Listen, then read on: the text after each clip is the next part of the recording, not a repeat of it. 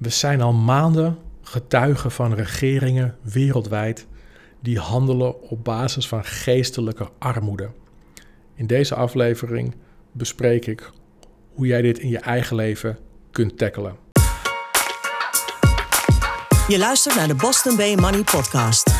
Wil jij makkelijk en snel rijk worden? Dan is dit niks voor jou. Heb je interesse in geld laten groeien, investeren, vastgoed en sales? En besef je dat dit niet super simpel is, maar dat je er echt iets voor moet doen? Blijf dan luisteren. Iedere week deelt Johnny waardevolle info, zodat jij leert hoe je geld voor jou kunt laten werken. Ready? Let's go! Tof dat jullie allemaal weer luisteren naar een nieuwe aflevering van de Boston Bay Money Podcast. Normaal gesproken begin ik altijd luchtig. En ehm, dat was eigenlijk ook het idee dat ik, eh, dat ik vandaag uh, had. Alleen, ehm, ik heb niet een super luchtig dagje. Dus ik had zoiets van, nou, uh, wat kunnen we hier van mooie draai aangeven? Ik heb echt een, een bizarre, bizarre dag. Ik open vanochtend mijn mailbox. Ben ik een hele, een hele box kwijt. Een hele inbox dus van, van, uh, van Boston Bay. Denk, oh handig. Nou, gelukkig backup gemaakt, dus geen, geen probleem. Maar God knows waar die is. Moet ik eventjes achteraan gaan. Oh ja, daarvoor, dat is ook een mooie. Kom ik mijn kantoor in, heb ik alles maandag uh, helemaal, of vrijdag, alles helemaal spik en span gemaakt. Stofzuigertje er doorheen, uh, afgenomen, je kent het allemaal wel. Doe ik allemaal zelf. Ik denk, nou, lekker als ik aan dinsdag op, op kantoor kom, dan heb ik een mooi fris, fris kantoortje. Nou, ik weet niet wat hier is gebeurd, maar um, kom ik vanochtend binnen. Zijn de TL-buizen in het plafond allemaal vervangen. Op zich hartstikke leuk één teringman op de vloer. Begon, begon mijn dag weer met stofzuiger in mijn hand. Dus het luchtige was er bij mij eventjes uh, snel vanaf. En toen kwam de, um, kwam de absolute bonus. Ik heb een beamer gekocht. En um, nou, mooi hè, ik ben niet de meest technische van het stel. Dus ik, nou, ik ga die beamer even testen. Laptopje meegenomen, je kent het allemaal wel. Loop ik alweer te stoeien met al die klote stekkers. Maar goed, uiteindelijk heb ik alles erin zitten. Beamer doet het niet. Oh, Coolblue gebeld, ding terug, moet het moet terug. Klopt inderdaad niet. Er bleek ook bepaalde stekkers helemaal niet eens bij te zitten. Ook handig, maar hij doet het in ieder geval niet. Dus um, ander plan bedenken. Gelukkig heb ik nog een beamer, dus niks aan de hand.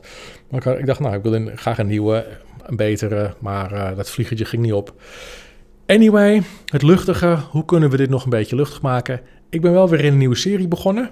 Ik, um, het zijn zes seizoenen op Amazon Prime. Bosch, een uh, soort uh, detective, zou ik maar zeggen.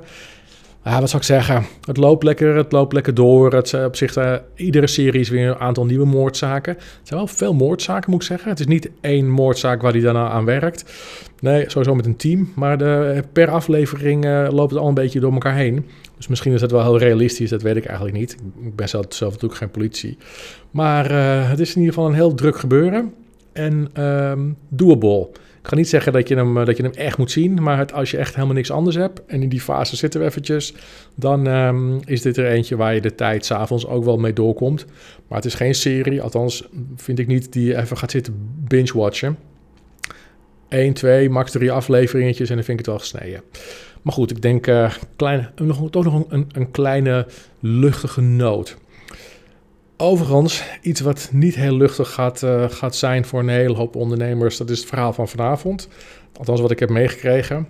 Uh, wat ik begrijp is dat die lockdown uh, weer uh, met drie weken wordt verlengd. Dat is niet cool. Niet cool voor, voor ondernemers. Um, sterker nog, het is eigenlijk heel erg zuur. Maar, en daar wil ik het in deze aflevering over hebben, het is ook wel een beetje leerzaam. Wat we, en dat bedoel ik niet voor die ondernemers, want die uh, doorgaans hoef je die niet zo gek veel meer te leren. Ik bedoel meer voor ons, als mensen die er een klein beetje buiten staan. Kan dit een hele leerzame fase zijn. Want wat we namelijk in het groot zien, is hoe geestelijke armoede eruit ziet. En um, geestelijke armoede met name bij uh, in dit geval Rutte en zijn, um, en zijn maatjes. Wat er is gebeurd door, door jarenlang belangrijke mensen in de zorg uh, weg te hebben bezuinigd, heb je nu als land, en het gaat voor meer landen op, heb je nu geen antwoord op een heel stevig griepvirus. Want in alle eerlijkheid, dat is het nog steeds. Een heel besmettelijk, stevig griepvirus. We hebben niet te maken met ebola of cholera of, uh, of de pest of weet ik veel wat. We hebben te maken met een heel stevig, heel besmettelijk griepvirus. Ik hoorde van mijn dokter uh, dat ruim 70% van de mensen in de zorg. Ik schrok daar een beetje, of ik schrok, niet dat ik snel in paniek ben, maar het verbaasde me. Dat zij gaf aan, ruim 70 mensen in de zorg laat zich liever niet vaccineren. Ik zei, oké, hoezo niet? Ik dacht, nou ja, ik sta zelf ook niet te springen, maar het lijkt mij dat als je voorrang krijgt um, en in de zorg werkt, dat het misschien handig is om het wel te doen. Nou, 70% van de mensen in de zorg die kijkt daar dus anders naar. En toen ik vroeg hoezo dan, toen gaf zij aan van, Jan, gaan aan corona sterven op een, op een uitzondering na. Sterft er geen hond aan corona onder de 80 jaar? Dan denk ik, oké. Ehm, ik heb het toevallig later ook opgezocht en ik zag dat dat in andere landen ook zo was. In Nederland, Nederland trouwens ook. De oversterfte onder, de mens, uh, onder mensen onder de 80 was ongeveer 0%. Oké, ik volg het allemaal niet heel erg meer, maar dit, uh, dit verbaasde mij een beetje. Nou, nu zijn er natuurlijk ook heel veel mensen die zeggen, tegen mij zullen zeggen van... ja, maar Jan, uh, ik ken mensen die echt heel ziek zijn geworden hoor, aan corona. En misschien kennen mensen ook wel die zijn gestorven. Ja, dat klopt, dat snap ik ook wel. Ik ben kom ook niet uit een eitje. Maar ik ken mensen die uh, van een trap zijn gevallen en nu in een rolstoel zitten. Ja, en toch zie ik niemand uh, uh, met een helm van een trap aflopen, toch? Dus het, is, het, is al heus wel, het zal heus wel in sommige gevallen heel heftig zijn. Maar over het algemeen is dit natuurlijk een, een, een, situatie die niet, die niet vraagt om dit soort draconische maatregelen qua lockdowns en economie die je sloopt. Op het moment dat je niet het hele vangnet hebt wegbezuinigd. Want dat is natuurlijk waar het nu, waar het nu om gaat. Het gaat gewoon om te weinig bedjes. En als je mij niet gelooft, ik ben natuurlijk helemaal geen, eh, geen medisch geschoold iemand. Ik hoor ook maar uh, uh, zo her en der wat, van, wel vanuit mensen uit de zorg. En um, bij mij gaat het ene oor in, andere oor uit. Want het interesseert me niet genoeg om er heel veel tijd en energie in te steken. Maar goed, als je mij niet gelooft, en dat kan, waarom niet? Dan uh, misschien is het handig om een keer aan je eigen huisarts te vragen hoe die erover denkt. En als je zelf een beetje in een paniekmodus bent, dan kan dat je misschien wel geruststellen. Anyway, te weinig bedden, lieve luisteraars. Um, het goede nieuws is inmiddels wel genoeg ex-verplegers en overig uh, gekwalificeerd personeel dat zich aanbiedt. Maar, want dat was natuurlijk in het begin ook nog even een issue. Uh, er zijn genoeg poppetjes die klaarstaan. Er is alleen geen plek voor ze om te kunnen helpen. Er zijn te weinig bedjes. En uh, heel simpel, als je tien jaar lang uh, als een malle loopt te bezuinigen in een sector, in dit geval in de zorg, dat geldt niet alleen voor Rutte, maar dat geldt voor heel veel westerse landen, uh, dan heb je een uitdaging op het moment dat er daadwerkelijk iets aan de hand is. Uh, uiteraard zijn er gelukkig ook, gelukkig ook een paar landen die het anders hebben gedaan. Die hebben het heel redelijk voor elkaar, moet ik eerlijk zeggen. Uh, als ik het van, van, een afstandje bekijk, en ik zie wel eens wat op, uh, op Instagram bijvoorbeeld, dan verbaast het mij bijvoorbeeld hoeveel mensen er bijvoorbeeld in Zweden nog gewoon lekker in de sportschool zijn. En ik zie heel van die bootcamp, klassen op, um, op Instagram, die wat Zweedse instructeurs geven. Ik zo, die hele zaal staat gewoon vol hier. Maar goed, die hebben het denk ik net even wat beter voor elkaar. Um, en daar horen we natuurlijk niet zo gek veel over hier, want die hebben geen lockdown gehad. Die hebben ook genoeg bedjes. En uh, dus dat is niet handig om daar lang over te praten en om daarvan te leren. Althans, dat zo denken de mensen die aan de touwtjes trekken. Het is um, geestelijke armoede. En dat is waar we al maanden getuigen van zijn. Je strategie af laten hangen van hoop in plaats van intelligentie, tactiek, planning, kennis het is deze, deze nieuwe lockdown, die er waarschijnlijk vanavond uh, wordt afgekondigd, dat is pure armoede van politici die geen ander plan hebben dan het opnieuw implementeren van een maatregel die bewezen heeft niet te werken. Maar ze hebben geen alternatief. Ze hebben niet vooruit gedacht. We weten natuurlijk al vanaf februari dat er een situatie aan zat te komen. Uh, hoe zwaar wist, wist, kon natuurlijk niemand op voorhand bedenken. Maar in april, mei hadden we wel een beeld niets gedaan. Niets. Lockdown, lockdown, lockdown, lockdown. Nul extra bedden, nul nieuw personeel. Misschien een paar poppetjes erbij, maar geen, geen ziekenhuizen die uh, afgelopen jaren gesloten zijn, of zelfs de afgelopen maanden. We hebben in Lelystad eentje opengooien, bedden erin, niks van dat, uh, geen noodhospitalen, helemaal niks. En dat, dat, dat, dat is in mijn, in mijn optiek is dat echt geestelijke armoede. Andere mensen de schuld geven op het moment dat jouw plan voor de derde of voor de vierde keer niet werkt. Lockdown werkt niet, aantal besmettingen loopt op. Wie zijn schuld is dat? Nooit van de lockdown, nee, van de mensen. De mensen die zich niet aan de lockdown houden. Het volk in dit geval. Ik vind het heel, heel doorzichtig en meer mensen beginnen dat natuurlijk uh, beginnen dat waar te nemen. Het heeft iets, het heeft iets meelijwekkends, iets, iets triests. Dus ik ben heel benieuwd hoe dat er, uh, hoe dat er vanavond uh, uitziet. Aan de andere kant hebben we natuurlijk te maken met mensen die in de zorg werken. En die plots worden gezien als mensen die, die in de frontlinie uh, acteren. De dapperen, de onmisbaren. Ik kan er wel van genieten, ik vind het wel mooi. Uh, overigens blijkt het wel een heel vies, droog liefdeskusje vanuit Den Haag te zijn aan diezelfde onmisbare. Want op het moment dat zij, in dit geval deze frontliniestrijders, vragen om een iets hoger loontje, dan is het van ho ho, ho ho. Niet overdrijven, frontliniehelden. Je moet niet denken dat je echt belangrijk bent omdat een aantal politici of een aantal verwarde mensen in Den Haag een paar keer hebben staan applaudisseren voor je. Je moet dingetjes niet door elkaar gaan halen. Het is, um, het, het is iets, ja, we leven in een hele aparte tijd. Het heeft, aan de ene kant moet je er af en toe een beetje om lachen. En aan de andere kant denk je, ach, die arme mensen. Ze, ze, dachten, ze dachten echt eventjes dat ze op handen werden gedragen door Rutte en, uh, en, en, zijn maatje. En dan die, die bedroefde snuitjes op het moment dat ze, dat ze dus denken van... nou, misschien krijgen we nu eigenlijk een keer een wat, wat hoger salaris. En dan nee hoor, de, de frontliniestrijders, ga maar weer eventjes terug aan het werk. En voor de rest je mond houden. Mijn, uh, dat weten we natuurlijk niet, maar mijn vader die heeft zijn hele leven in de zorg gewerkt. In, uh, in het AMC in Amsterdam. En uh, nog zelfs voordat Rutte aan, uh, aan zijn kaalslag begon, ehm, had Den Haag al, al, al scheid aan verplegend personeel. Altijd hard werken. En die uren waren niet normaal. Altijd hard, hard werken voor fucking weinig geld. Niet normaal. Um, en hoe kwam dat? Dat is nog steeds een beetje het excuus wat, uh, wat de regering vaak gebruikt. Um, werken in de zorg, net zoals werken in het onderwijs, dat is een roeping volgens Den Haag. Dat is een roeping. En blijkbaar, want dat hangt er dan bij hun ook meteen aan. En blijkbaar hoef je mensen uh, met een roeping geen normaal salaris te betalen. Die kun je gewoon onderbetalen, niks aan de hand, helemaal uitknijpen. En dan af en toe ook nog even keihard bezuinigen. Weet je, nog eventjes een, uh, met een seister eroverheen. Ik heb echt geen idee wat hun salarissen nu zijn. En ik wil niet eens weten tegen wat voor kutloontje de verplegers en verpleegsters zich de afgelopen maanden uh, de tandjes hebben gewerkt. Het is echt gewoon gênant. Uh, frontliniestrijders, hoe kom je erbij? En dat zijn van die termen, ja, de, die Hugo de Jong, front, de mensen in de frontlinie. Het is echt ongekend. Ik denk dat ik, ik, denk dat ik binnenkort mijn, mijn auto, het liefst midden in de nacht, eens een keertje stilzet. Gewoon hup, op de snelweg. Gewoon stilzetten. En dan stap ik uit.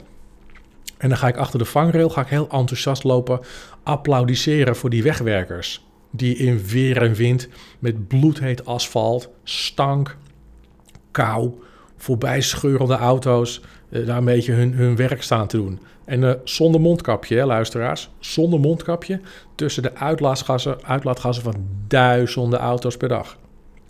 Het is, waarom, waarom zetten we niet met z'n allen onze auto's een keer stil en gaan we die mensen eens een keertje een applausje geven? Als je het toch hebt over frontliniestrijders en, en onmisbare. Ik vind het wel handig, dat asfalt op die snelwegen. Dat vind ik ook redelijk onmisbaar. Of een keertje ochtends samen met de buren. In, uh, gewoon in je pyjama, gewoon naar buiten lopen. En dan gaan we heel druk staan klappen met z'n allen. Op het moment dat die vuilnisjongens aankomen rijden. Weet het is, het is pure armoe wat er vanuit uh, Den Haag allemaal wordt geïnitieerd. We hebben gewoon te weinig bedjes in de ziekenhuizen. We hebben te weinig bedjes. Meer is het niet. En al die toneelstukjes die we al maanden zien, die zijn alleen maar bedoeld om dat verhaal van die ontbrekende bedjes te maskeren. Meer is het niet. Alright. Overigens wil ik hierbij niet de mensen die zijn gestorven aan corona uh, wegzetten als uh, zwak of, of, nutteloos of wat ik voor wat. Natuurlijk zijn er mensen aan overleden, maar het is geen ebola, het is geen cholera, het is geen pest, het is, het is geen extreem killervirus. Het is een heel besmettelijk griepvirus. En de hele wereld ligt op zijn gatje. Ongekend. En maar blijven bezuinigen. Oké, uh, allemaal leuk en aardig, John. Geestig verhaaltje. Uh, heeft helemaal niets met de podcast te maken. Nou, klein beetje wel. Neem even een slokje.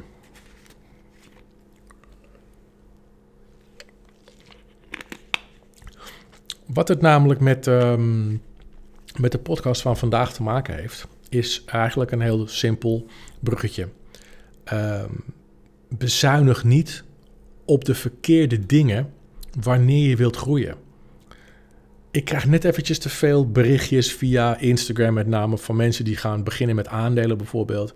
Of die in zichzelf willen gaan investeren middels een, een training of een cursus. En die dan, en niet eens bij mij hoor, maar het kunnen ook hele andere cursussen zijn of hele andere trainingen. En ehm, die dan aangeven, ik ga in mezelf investeren. Ehm, ik heb al mijn Netflix of mijn Spotify abonnement stopgezet. Of ik ben al, heb me al uitgeschreven bij een bepaalde sportschool of, of weet ik veel, uh, gezelschap waar je onderdeel van uitmaakt met een lidmaatschap. Ik ben daar over het algemeen niet echt een, een voorstander van wanneer je, op, wanneer je uh, klaar staat of eigenlijk in de startblokken staat om jezelf te gaan ontwikkelen. Weet je, wat je daar namelijk mee bewerkstelligt met zo'n Netflix-abonnementje of zo'n Spotify-abonnementje opzeggen, is je bespaart een beetje.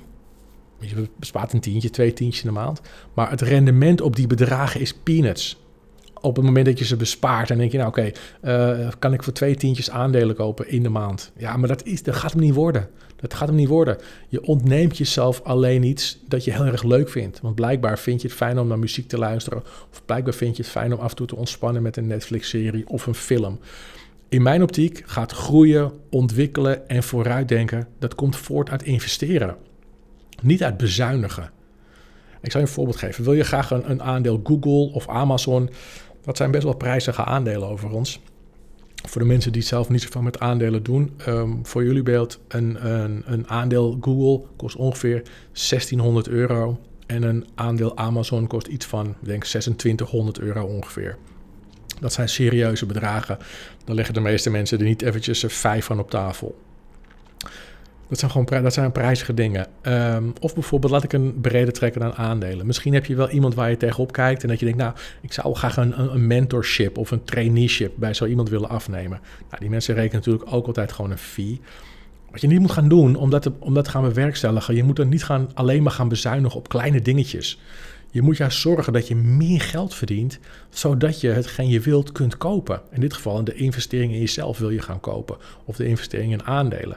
Die paar tientjes die, die je iedere maand wegstreept om je doel te uh, bereiken, daar ga je uiteindelijk je doel, je echte doel, niet mee bereiken. Het gaat te langzaam. En daardoor verlies je je motivatie. Je hebt geen abonnementje meer, dus je kunt geen muziek meer luisteren. Je kunt geen lekkere Netflix-serie meer kijken als je zin hebt. Het gaat irriteren en het doel raakt steeds verder. Met name mentaal raakt je doel, namelijk die investering die je weer jezelf wilde doen, die raakt steeds verder uit zicht. Zoals onze vrolijke vriend Rutte geld had moeten investeren in de zorg toen het heel goed ging met Nederland en we heel veel geld over hadden, had hij moeten investeren in de zorg. Dat leek toen een klein nutteloos dingetje, maar achteraf gezien had dat heel handig geweest in deze tijd en dat onze economie niet dichtgehoeven.